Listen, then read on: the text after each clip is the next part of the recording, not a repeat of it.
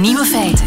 Dag en welkom bij de Nieuwe Feiten podcast van 27 november alweer 2020. In het nieuws vandaag dat het gedaan is met fucking. Afgelopen finito no more fucking. De 150 inwoners van fucking waren nogthans trots op hun piepkleine dorpje. Want ja, ja, ja, dat is dus een dorp, hè, fucking, in Oostenrijk. Of tenminste, dat was een dorp, want de inwoners hebben de naam dus veranderd. Niet omdat ze zich schaamden, want in het Duits betekent fucking namelijk helemaal niks. Maar wel omdat de plaatsnaamborden iedere keer opnieuw werden gestolen. En sinds kort werd het dorpje ook gebruikt voor politieke doeleinden. Zo plaatsten klimaatactivisten vorig jaar nog plakaten onder en boven de borden, waardoor er stond omdat ons klimaat fucking belangrijk is. De inwoners hebben er allemaal schoon genoeg van en wonen nu in Fuging. Fuging. Vind het toch een beetje spijtig. De andere nieuwe feiten vandaag. Zes maanden na een coronabesmetting worden bij de meeste mensen nog altijd antistoffen gevonden. Ook al luister ik nooit naar Kanye West, toch krijgt hij een deel van het abonnementsgeld op mijn streamingdienst. België doet het plotseling weer beter dan Nederland in de strijd tegen corona. En aan de Universiteit van Leuven wordt gewerkt aan een slim hoorapparaat. De nieuwe feiten van Nico Dijkshoorn hoort u in zijn middagjournaal. Veel plezier. Radio 1. Nieuwe feiten. Wat als twee krantenkoppen complete tegenovergestelde beweren? Dat is heel erg enerverend. En dan is er meestal één krant die het juist heeft en één krant die het volledig verkeerd heeft. Goedemiddag, Steven Callens. Goedemiddag.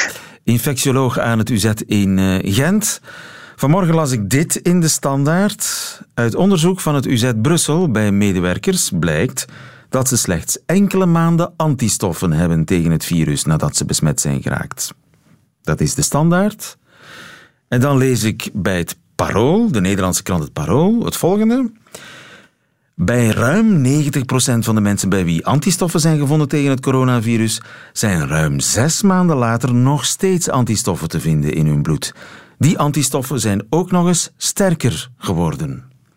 Dus in de ene krant staat na enkele maanden antistoffen weg, in de andere krant na zes maanden nog steeds antistoffen en zelfs sterkere antistoffen. Wat is het nu? Ik uh, vrees dat ze allebei gelijk hebben, uh, de, de, zowel de standaard als het uh, parool, of zowel de UZ Brussel of RIVM. In die zin dat als we over antistoffen spreken, gaan we altijd in, in meervoud gaan spreken. Dus er zijn eigenlijk veel verschillende soorten van antistoffen die we kunnen meten in het bloed. En de eerste testen die uitgevoerd zijn, of de eerste ja, serologische testen noemen we dat dan, die de antistoffen gaan uh, opsporen, die gaan uh, misschien de meer grovere antistoffen gaan uh, opsporen. Het grovere geschut, zeg maar grovere geschut, inderdaad. Hè. Maar naarmate dat ons lichaam gewoon wordt aan die uh, antistoffen, naarmate dat ons lichaam meer kan werken aan die uh, antistoffen, dan worden die antistoffen eigenlijk wel uh, beter op termijn. En dat kennen we al van vroegere infecties. Hè. Toxoplasma is daar een heel goed voorbeeld van.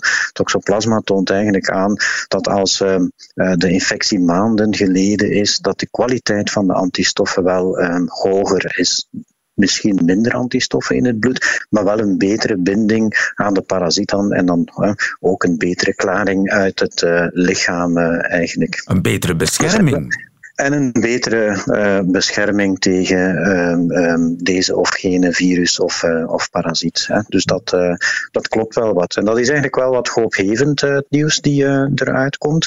Als ik me niet vergis, in, in de studie van het Parool stond ook, hè, men sprak over IgA-antistoffen en IgG-antistoffen.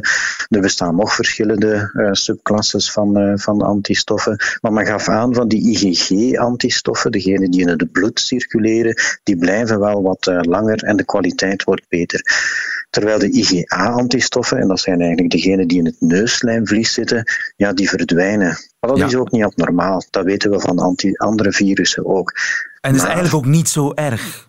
En is eigenlijk ook niet zo erg, want dat was mijn maar van daarnet. Er zijn ook uh, geheugencellen in um, ons lichaam die uh, zich herinneren hoe dat je die IgA-antistoffen moet aanmaken. En komt dat virus dan opnieuw binnen, ja, dan kun je in het geheugen, in de bibliotheek, gaan kijken van wat is nu het beste antistof die we hebben tegen dit antigen. En dan kan het, de, het lichaam dat uh, heel snel beginnen produceren. Dus de meeste mensen die de infectie één keer hebben doorgemaakt, die zijn eigenlijk op langere termijn beschermd. Mag ik, het, uh, mag ik zo besluiten?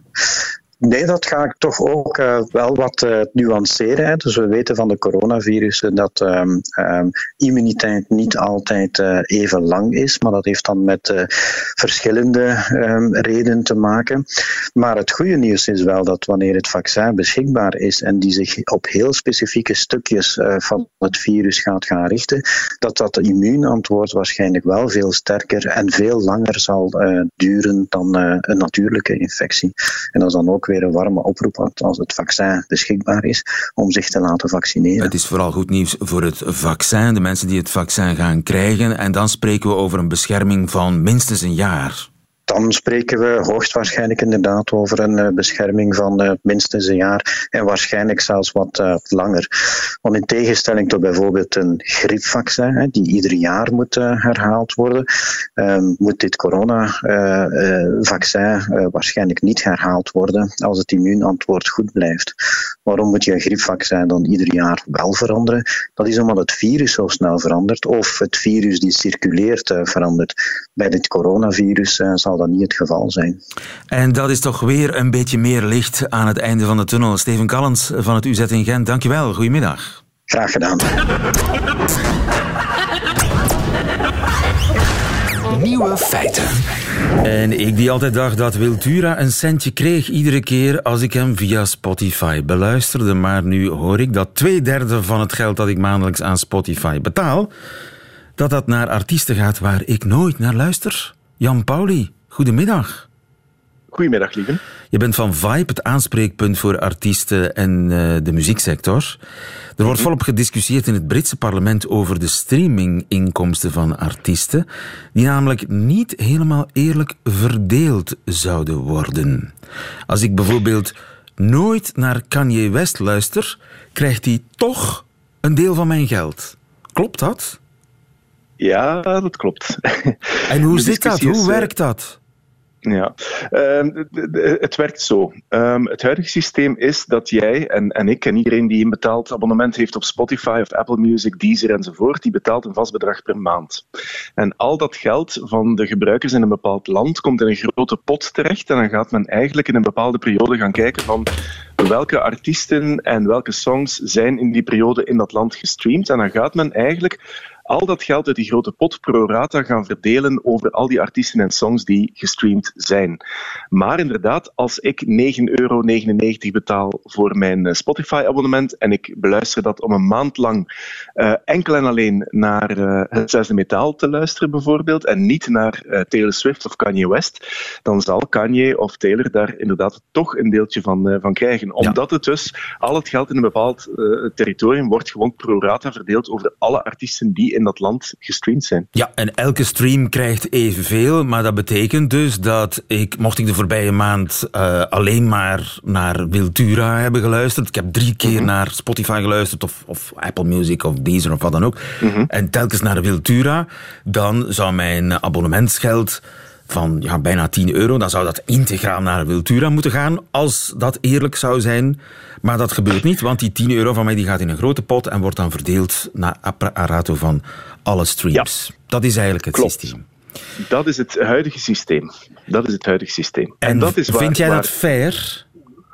Je kan daar heel veel over zeggen. Um, is dat fair? Uh, ja, het is het systeem dat al heel lang wordt toegepast en het systeem dat ook zo onderhandeld is tussen de muziekindustrie en, uh, en de rechthebbenden. Dat moeten we toch ook wel uh, erbij vertellen, want dit soort van streamingmodellen kan niet bestaan zonder dat er heel veel en heel zware deals worden gesloten. Dus, ja. dus zo onderhandeld. Is dat fair? Um, het, het, kan inderdaad op zijn minst transparanter, laat het ons zo zeggen. En Als je is dat een, van... een technische beslissing? Ik bedoel, zou het technisch veel ingewikkelder zijn om het eerlijker te verdelen en echt daadwerkelijk te gaan kijken van ik heb zoveel abonnementsgeld betaald en ik heb daarmee naar die en die en die geluisterd, dus die en die en die moet ja. een, het grootste deel van mijn abonnementsgeld krijgen. Is dat technisch ingewikkelder? Het is technisch perfect mogelijk. En of het ingewikkelder is dan het huidige model, ehm, daar durf ik me niet over uitspreken. Maar het is technisch perfect mogelijk, want Deezer staat er eigenlijk klaar mee. Eigenlijk zijn zij klaar, technisch gezien, om eigenlijk vanaf volgend jaar uh, dat user-centric systeem, want daar gaat het dan over, om dat, om dat systeem uh, te gaan uitrollen. Dus het is technisch perfect mogelijk. Deezer kan al een paar jaar modellen draaien en voorspellingen doen van als we overschakelen van het huidige systeem het uh, platform-centric systeem naar het user-centric systeem, waarbij inderdaad mijn 10 dollar, mijn 10 euro alleen naar Wiltura zou gaan. Uh, zij kunnen voorspellingen doen al een paar jaar van wie gaat daar dan beter van worden, wie wordt daar slechter van en wat is in die end het grote verschil. Daar ben ik zelf ook heel benieuwd naar, maar het, het, ik heb al een paar, een paar dingen gezien en het verschilt ook stevig van land tot land. Uh, blijkt uit, uit cijfers die voor België gedraaid worden dat vooral onze kleinere independent uh, Belgische artiesten er mm, ja, eigenlijk slechter van zouden ah. zijn. Van het, ja, ja, ja. Dus, uh, en, en, en dan wordt er ook vaak gekeken naar de grote wereldsterren. Die zouden ook een klein beetje moeten inleveren, maar niet zo heel erg veel. Uh, maar, dus, dus in een ander land kan dat net zo goed omgekeerd zijn. Dat ja, de kleintjes ja. Eh, wel profiteren, maar voor België zouden de kleintjes niet profiteren. Integendeel dat, dat, dat blijkt zo te zijn uit het model dat Deezer, uh, dat Deezer en dat deze namiddag ook, ook tijdens de webinar wordt voorgesteld te organiseren. Zij hebben de cijfers voor België gedraaid en daaruit blijkt dat inderdaad onze kleinere independent artiesten er geen goed bij zouden varen bij een user-centric systeem. En het kan inderdaad van land tot land verschillen, omdat jouw streamingpubliek, jouw, jouw publiek dat muziek uh, consumeert, van land tot land anders is. Er worden andere genres geconsumeerd. Uh, soms, wordt, soms is er in, in het ene land een veel jonger publiek dat streamt, in het andere land een ouder publiek dat streamt. Dus het hangt echt af van je populatie. En, en er zijn zoveel parameters die, die daarin meespelen, dat, uh, dat, dat het... Allez, het is een zeer, hoe moet ik het zeggen, veel, zeer veelzijdige en zeer gelaagde discussie. Ja. Het is niet zomaar... Uh, uh, snel opgelost met zo'n user-centric systeem. Inderdaad. En er is nog een er is nog een bijkomend probleem, want, want streamingdiensten willen dat wij naar zoveel mogelijk verschillende artiesten luisteren. Zij raden ons constant nieuwe dingen aan van, ah, daar moet je ook nog eens naar luisteren. Ja. Maar Doen ze dat uit eigen ja, belang? Goh, zij zijn into the discovery business. Hè. Spotify ja. zegt zelf van wij, wij, zijn, wij zijn, ja natuurlijk, wij streamen muziek, maar wij zijn into the discovery business. Zij willen zoveel mogelijk artiesten en, en tracks aan jou laten horen. Ja. Maar hoe meer ze dat doen, hoe meer mijn geld versnipperd wordt natuurlijk over al die artiesten en die songs die ik beluister. Dus ja. het is toch niet zomaar geen, geen, geen één op één verhaal. Het is geen één op één verhaal, er hangt heel veel vanaf. Uh, wie gaat daar nu over? Want ja, er is discussie in het Britse parlement, maar bepalen die, die platformen uiteindelijk niet zelf uh, hoe, hoe ze dat verdelen. Ja, Absoluut. De platformen, maar zeker ook de, de, de grote rechthebbenden, dat zijn de labels. Hè. Zonder, zonder belangrijke deals met de platenfirma's kan zo'n streamingplatform niet ja. bestaan. Dat en wat denk je, uh, wat onder... gaat er gebeuren? Goh, um, wat er nu gebeurt, is dat er op zijn minst uh, door de coronacrisis, hè, want artiesten hebben hun inkomsten uit live zien wegvallen en zien dus dat er eigenlijk weinig overschiet voor hen uit streaming. Um, op zijn minst is er uh, nu draagvlak, maatschappelijk draagvlak, om over andere modellen te spreken. Er wordt over gesproken, zelfs tot in het Britse parlement, hè, dat is ook nieuw. Gaan zij daar iets kunnen aan doen? Misschien. Ze zouden misschien bepaalde uh, ja, tweaks kunnen gaan doen aan de auteursrechtenwetgeving om daar wat dingen mogelijk te maken. Maar uh, op zijn minst wordt er over gesproken. Er zijn ja. grote namen. Ed O'Brien van Radiohead, uh, Guy Garvey van Elbow, die zich, die zich achter zo'n user-centric systeem scharen, die het, die het bespreekbaar maken, die het nog eens aankaarten. En alleen al dat, denk ik, is, is goed. Is goed want, want ja, we moeten daar heel eerlijk in zijn. Artiesten houden aan het eind van de rit belachelijk weinig over aan aan, uh, aan, aan streaminginkomsten. Ja, dat en is als ze dan toch het verdienmodel aan het bespreken zijn, misschien kan dat ook wat hoger op de agenda staan. Dankjewel Jan Pauli van Vibe. Goedemiddag. Radio 1. Nieuwe feiten. Weet u nog hoe dat klonk, een feestje? En dat het dan niet altijd makkelijk is om elkaar te blijven verstaan. Je brult je schor op de duur. En zeker voor mensen met een hoorapparaat is het helemaal een nachtmerrie. Want die apparaten die moeten kiezen wie ze versterken, wie je wil horen. Want anders klinkt alles even luid. En dat is bijzonder enerverend. Annelies weet ervan mee te praten. Hè? Goedemiddag, Annelies. Goedemiddag. Jij bent uh, hoorapparaatgebruiker. Ja, dat klopt. En professor Frankaars van de Universiteit van Leuven, die heeft misschien iets nieuws voor u. Goedemiddag, professor Frankaar. Goedemiddag, lieve. U heeft een hoorapparaat, of u werkt daaraan, u heeft dat nog niet helemaal af. Een hoorapparaat dat meedenkt met de gebruiker. Kan dat? Um, ja, wel meedenken is een groot woord natuurlijk, maar inderdaad, we proberen een slim hoorapparaat uh, te maken dat informatie gebruikt dat in de hersenen zit uh, van de gebruiker. Want Annelies, hoe werkt jouw hoorapparaat vandaag als je op een feestje zit? Hoe gaat dat? Um, ik kom binnen en ik hoor eigenlijk meestal eerst de muziek um, of, of ja, het omgevingslawaai. En dan moet ik echt als iemand praat um, dichterbij gaan staan. Of ja, wat nu ook wat moeilijker is. Maar ik moet dan drie, vier keer vragen wat hebt u gezegd? Kunt u het herhalen? En na een tijdje is het wel beter. Dus ik denk dat mijn hoorapparaat zich wel aanpast, maar het duurt wel een tijd en dat is vervelend. Dus jouw hoorapparaat is een beetje slim. Hoezo? Focust het op het luidste lawaai en versterkt het dat? Dus in, op een feestje is dat vaak de muziek? Ja, ik denk dat het zo werkt. Dus het, het, het luidste lawaai wordt dan ook versterkt. En dan gaat hij wel op zoek naar, naar andere tonen die, die ook gaan versterken. Dus stemgeluiden. Uh, maar dat duurt een tijdje tegen dat die erdoor komen. Ik kan het ook wel mijn app op mijn gsm bedienen. Uh, maar het is ook niet zo fijn voor de mensen dat ik dan direct mijn gsm neem. Want dan denken ze ook dat ik niet geïnteresseerd ben in wat ze aan het zeggen zijn. Dus dat is soms ook vervelend. Dus op jouw gsm heb je dan een app staan. En met die app kan je eigenlijk kiezen wie je wil verstaan. Ja, dus ik kan bijvoorbeeld aanduiden, ik ben op een feestje en de muziek mag, mag, stiller en de mensen, de stemmen mogen luider. Maar ik moet dat wel manueel nu nog aanpassen. Dus ik moet eerst mijn gsm nemen en dan ja, denken mensen dat ik ja. niet geïnteresseerd ben en iets anders wil doen, um, wat soms vervelend is. Ja, dat is vervelend en ook tijdrovend. Hè. Je moet er iedere keer mee bezig zijn. Je, je, het is niet altijd even handig. Nee, omdat mensen ook moeten herhalen wat ze gezegd hebben nadat ik het aangepast heb. Dus ja, het is, het is gewoon vervelend. Professor Frankaar, en hoe werkt het, uh, het wonderapparaat waar u aan werkt? Ja, um, dus wat ik hoor van, van Annelies is super herkenbaar. Hè. Mensen hebben heel veel problemen om, om spraak te verstaan als er achtergrondlawaai is. En uh, de hoorapparaten zoals we ze nu kennen, die hebben gesofisticeerde, wat men noemt, ruisonderdrukking. Dus die kunnen ongewenste geluiden al een beetje onderdrukken. Maar het grote probleem is um, dat die hoorapparaten niet weten welke geluiden gewenst en ongewenst zijn.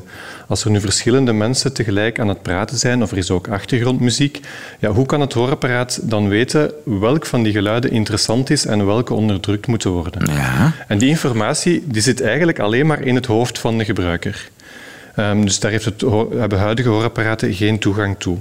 Dus wat wij proberen te doen is effectief die informatie uit het hoofd te halen. Dus wij gaan hersengolven opmeten van de persoon die aan het luisteren is. En op basis daarvan proberen we te achterhalen in welke richting die persoon aan het luisteren is. En op basis daarvan kunnen we dan het hoorapparaat sturen, zodat hij de geluiden uit die richting extra gaat benadrukken, een beetje luider maken en de andere geluiden een beetje zachter. Dat en dat moet er dan toe leiden dat mensen effectief beter kunnen verstaan.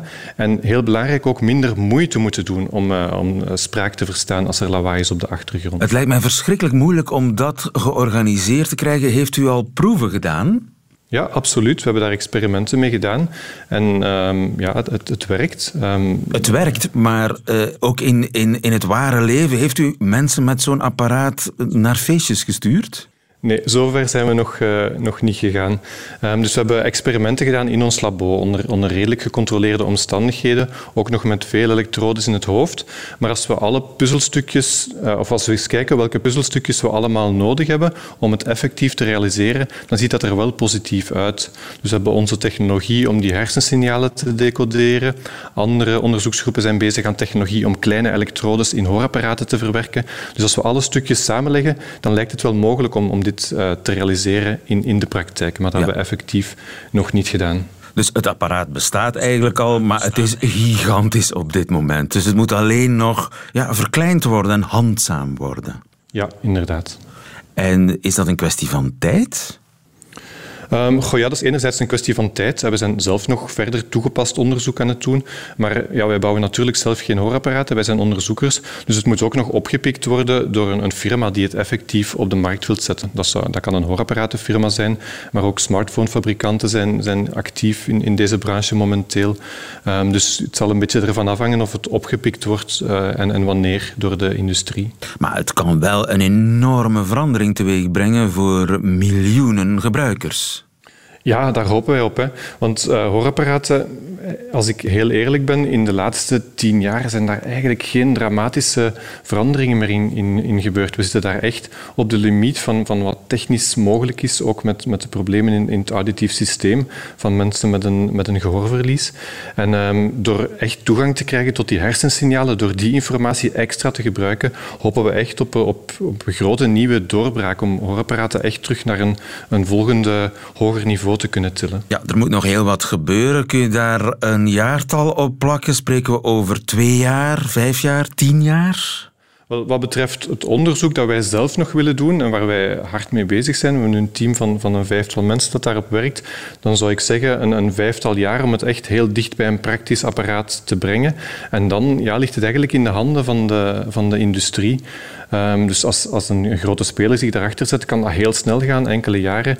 Anders kan dat, kan dat een beetje langer duren. Maar dus um, sneller dan vijf jaar zal het zeker niet zijn. En, en tien is misschien meer realistisch. Ja, Annelies, tien jaar kun je nog zo lang wachten? Um, ja, hoe sneller, hoe liever. Maar uh, als het binnen vijf jaar uh, echt een hele verbetering is, dan kijk ik er naar uit om dat binnen vijf tot tien jaar in gebruik te nemen. Want voor jou zou dat een enorm verschil maken? Ja, omdat toch ook wel, het, het, vraagt veel meer aandacht van mij ook en veel meer energie nu om te focussen op wat mensen zeggen. En het woord kunt u dat herhalen of wat blief heb ik heel veel moeten zeggen de laatste tijd. Dus uh, als ik dat kan schrappen, zou het echt een, een hele verbetering zijn. Heel erg veel dank voor je verhaal, Annelies. En uh, Tom Frankaar en zijn hele team, want u doet het natuurlijk niet alleen, u werkt met een heel team daar bij de Neurowetenschappen aan de Universiteit van Leuven. Dankjewel. Goedemiddag. Dank u wel, lieve. Nieuwe feiten. De ontdekking Meer bepaald door de NOS-man in uh, Brussel, Sander van Horen. Goedemiddag. Dag lieve. Jij woont nu al een jaar of twee, drie in Brussel. Ontdekt ons land met stijgende verbazing, keer. Ja. keer op keer. We krijgen er ook meer en meer van langs. Naarmate je het land beter leert kennen, word je bozer en bozer. Uit liefde, hè? Uit liefde, ja. ja nee, maar dat, dat, dat herken ik, ik in veel landen. Ja, nee, nee, maar als je inderdaad meer identificeert ook met een land en ook, ook meer gebruikers soms gaat overnemen, dan uh, ga je er ook kritischer op worden nog weer. Mijn vraag komt straks, examen Vlaams, dat ja. weet je. Ja. Wat heb je deze week ontdekt? Nou, het is, het is toch de, wat, een van de fascinerende dingen natuurlijk van uh, werken in het buurland, is dat je vaak die, die spiegel voorgehouden krijgt. En nou ja, vandaag was hij wel helemaal leuk. Ik sla de krant open en bij ons in het nieuws is natuurlijk heel groot de uh, perikelen in Forum voor Democratie. Thierry Baudet. Nou, en de uil van Minerva is ingestort. Altijd leuk. Houdt hun krant omhoog op de radio. Maar hè, hier zie je uh, de standaard van vandaag. De ontmaskering van een complotdenker en een antisemiet. Ja. Nou, dat hadden wij nooit zo hard geschreven. Nee? Nee. Maar omdat wij de blik van buiten natuurlijk missen. En omdat wij uh, Forum en meteen ook de stemmers daarvan zien en denken van ja, uh, complotdenken, antisemieten. De, de, die, misschien zijn het een stel radicale gekkies in een appgroepje. Dus wij zien dat misschien onnodeloos uh, genuanceerd. Uh, we hebben hetzelfde aan de orde eigenlijk, maar dan met een heel andere iets met, met een linkse jongerenbeweging nu, waar we ook ja, misschien wat omvloerster mee doen. En de ontmaskering van, dat klinkt alsof de man definitief weg is, terwijl wij weten dat Baudet in elk geval voor zichzelf nog een toekomst ziet. Dus wij gaan daar op een andere manier mee om ja. dan in dit Je geval. ziet soms klaarder van over de grens. Maar dat omgekeerde hebben wij natuurlijk ook. Met die racistische memes heb ik uh, volgens mij ook in mijn reportages, onze reportages, harder over geoordeeld dan jullie zelf. Met Dries van Langehoven en Schild en Vrienden. Zelfde verhaal. Dus je, je hoeft ook niet meer met die man en zijn kiezers door één deur. Dus misschien dat dat geheel ten onrechte maar iets van die handschoentjes... Zou best kunnen. Maar heel interessant. En ook heel interessant, want dat is natuurlijk voor mij de andere grote vraag deze week. Hier in België, vandaag nog weer de cijfers, de coronacijfers. Ze we doen, dalen. We doen het beter dan Nederland, zeg het maar. Wat? Uh, volgens mij gaat binnenkort gaan jullie het zelfs beter doen dan Duitsland. Dus die cijfers die dalen hier hard en ze, da- ze dalen nog steeds. Terwijl je in Nederland zie je een soort plafond ontstaan. Dus R-getal is groter dan één, hè? het is vreselijk. Nederland. Het is vreselijk. En, en de cijfers... Waren toch gidsland? Ja, nou ja, schiet mij maar lek. Alleen, en dan zie je dus dat, dat, dat is ook iets heel Nederlands-Belgisch. En wij eh, doen het vaak en graag natuurlijk om eh, Nederland als gidsland... en dat dan weer van zijn voetstuk afvalt. Maar Van Gucht, Steven van Gucht, eh, die sprak ik net eh, over dat verschil tussen Nederland en België. En hij, hij, ik, ik had eigenlijk verwacht dat hij, en dat deed hij ook wel stiekem van tevoren, van we doen het beter dan Holland. Nou, hartstikke mooi, maar hij is ook wel heel voorzichtig. Hij zegt, ik ben bang dat wat er nu in Nederland gebeurt, dat dat ook bij ons kan gaan gebeuren. Dus En wat is er in Nederland eigenlijk misgegaan?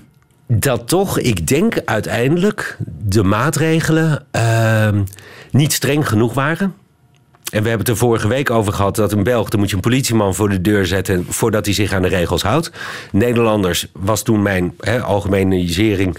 Eh, als hij overtuigd is van de maatregel, zou hij zich er eerder aan houden. Ik denk dat dat effect, door de lengte van de crisis, inmiddels in Nederland aan het verwateren is. Zie je in Zweden ook, hè? Ja, en ik merk. De, de legendarische burgerschap, Ja. legendarische burgerschap van de Zweden is ook ja, kennelijk- Grappig, en ook daar dus de strengere Aan het- maatregelen. ja, Ja, aan het maar ik, ik merk het ook in vrienden eh, of collega's, die bel je dan.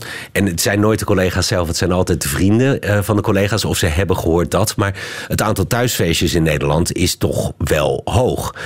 En dan heb je hier een avondklok, maar in Nederland niet. Maar je zou denken dat Nederlanders zelf zouden verzinnen van... is misschien heel handig, maar dat is mijn impressionistische waarneming. Dat neemt dus af. Maar ook, ik bedoel, in mijn eigen kring. Ik kreeg eh, doodleuk de uitnodiging om met drie eh, gezinnen Sinterklaas te komen vieren. In Nederland. Foei. Nou, foei. In, maar, maar inderdaad, ik bedoel, eh, dan, dan vraag je dus aan mij om inderdaad iets te doen wat zelfs in? Nederland niet mag. Namelijk met zoveel mensen bij elkaar komen. En dan daar ook nog eens illegaal de grens voor over te gaan. Dus, dus dan zie je dus dat ook in mijn eigen vriendenkring. En misschien ook wel op andere fronten bij mijzelf. Dat besef, die, Die moeheid. Ja, enorm. Moeheid eh, bedreigt ons allemaal. Ja. En wat dat betreft, eh, vroeg of laat zakt iedereen dan door de knieën. En dat is dus de angst van, van Gucht dat dat op een gegeven moment ook in België eh, aan de orde is. Maar voor, voorlopig is hij dus tevreden, denk ik, met de strengere maatregelen die in Nederland echt minder streng zijn, maar hier in België dus streng zijn. Want nou ja, hij, kan, hij hoeft alleen maar de grafieken te laten zien om te weten dat hij dus nu misschien meer gelijk heeft dan zijn Nederlandse tegenhanger. Dus Nederland volgt België ook in de mondkapjes. Die worden Maar halfslachtig, waar ze wel nu ook heel erg over nadenken. eh, ze zeg ik, hè? Wat grappig trouwens. Maar waar ze heel erg over nadenken. Welkom thuis. Ja, dank u. Is eh, de verlenging van de vakantie. Omdat dat toch wel het idee is dat dat ehm, in de besmettingscijfers, maar vooral ook in de rust op de scholen, hè, dus uitval van personeel en dergelijke, ehm, dat dat wel gewerkt heeft. Die verlengde herfstvakantie hier in België. Ja. Dus wordt overwogen om dat in Nederland ook nog weer te verlengen, die kerstvakantie dan. Oké, de Nederlanders leren van de Belgen. Zeker vast.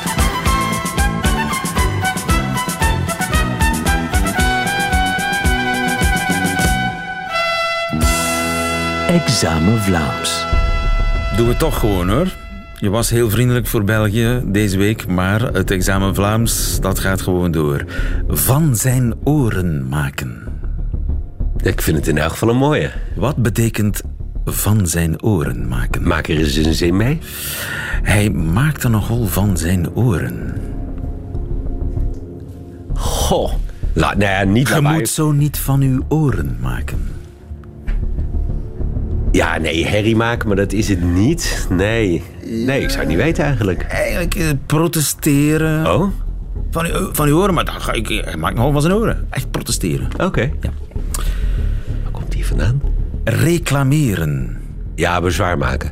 Ja, oké. Maar dat Goed. kennen wij ook. Meer in officiële termen. Reclameren bij is een beetje jaren instantie. 50 Nederlands. Zo. Ja, dus Belgisch. ja, inderdaad. Cholerig. Eh, de, de, er de pest in hebben? Ja, ja, ja. Bo colère. Ja, precies. Nee, dat was mijn afleiding ook. Ik wist het niet namelijk. Twee op drie. Ja. Je bent, je bent aan, het- aan, aan, het, aan het slagen Ja. in, in dit examen Vlaams. Curieuze neuzen. Ja. Curieuze neuzen. Curieuze neuzen, dat was het eh, project van de Universiteit Antwerpen. Ja, ja, natuurlijk. Om eh, Omdat de curieus- luchtvervuiling te meten, om nieuwsgierige neuzen. Dat ja. is goed, maar dat is niet de betekenis van curieuze neuzen. Dat, dat Oh. project heet zo omdat curieuze neuzen iets betekent. Nieuwsgierige aagjes. Wauw. Wauw. Oké. We trekken alles terug. Jij trekt je kwaaie woorden over en je denigrerende houding tegen- tegenover België terug. Geen denken aan. En ik trek al mijn eh, cynisme terug over jouw Vlaamskundigheid. Want je bent deze week, Sander, ik durf het nauwelijks te zeggen, je bent gewoon geslaagd. Dank u wel. Je kan met een brede glimlach terug naar, eh, naar je werk. Want je moet monteren, hè? Zeker. Excuses en pardon. Dat waren ze, de nieuwe feiten van 27 november 2020. Alleen nog die van Nico Dijkshoorn krijgt u in zijn middagjournaal. Nieuwe feiten. Middagjournaal.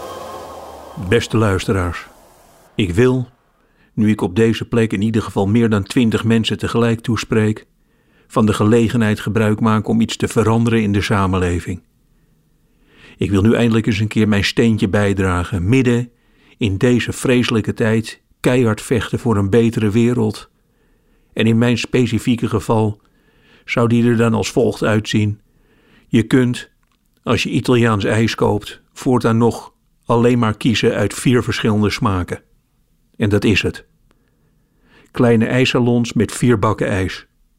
Vanille, chocolade, aardbei en pistache. Die laatste smaak is om de zonderlinge types en de kunstenaars tegemoet te komen. Dan kunnen ze zich toch nog onderscheiden van de gewone burgerlul. In die vier bakken ijs zitten dus geen rare elementen. Gewoon glad ijs. Zonder brokken chocolade erin, zonder halve aardbeien. En vanille is gewoon wit. Geen zwarte stipjes erin. Ik word wanhopig van de moderne ijssalon. Minimaal 35 bakken vol met ijs, waarvan ik de vrucht helemaal niet ken. Blauw ijs. Ijs met hartige smaken.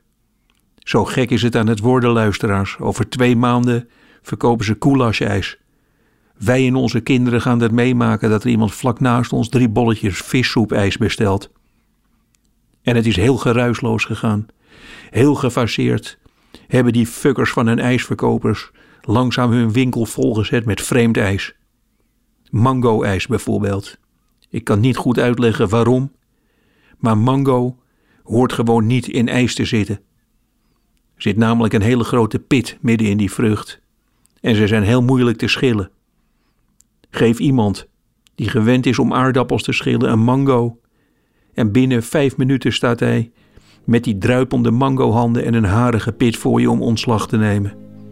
Nogmaals luisteraars, wat is er mis met ons oude ijs? Ik wil zelfs nog verder gaan. Eén smaak ijs. En dan er niet bij zetten wat voor smaak het is. Alleen het woord ijs.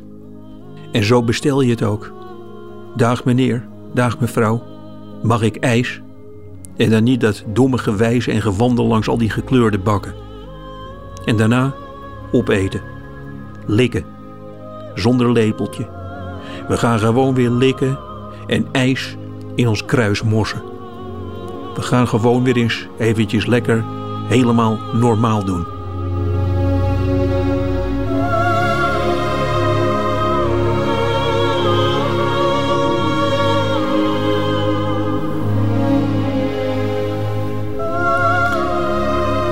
Neem maar afscheid van stracciatella-ijs en speculoos-ijs. Alleen nog ijs als Nico zijn zin krijgt natuurlijk. Einde van deze podcast hoort u liever de volledige uitzending van Nieuwe Feiten met de muziek erbij. Dat kan natuurlijk via de Radio 1 app of via radio1.be. Tot een volgende keer.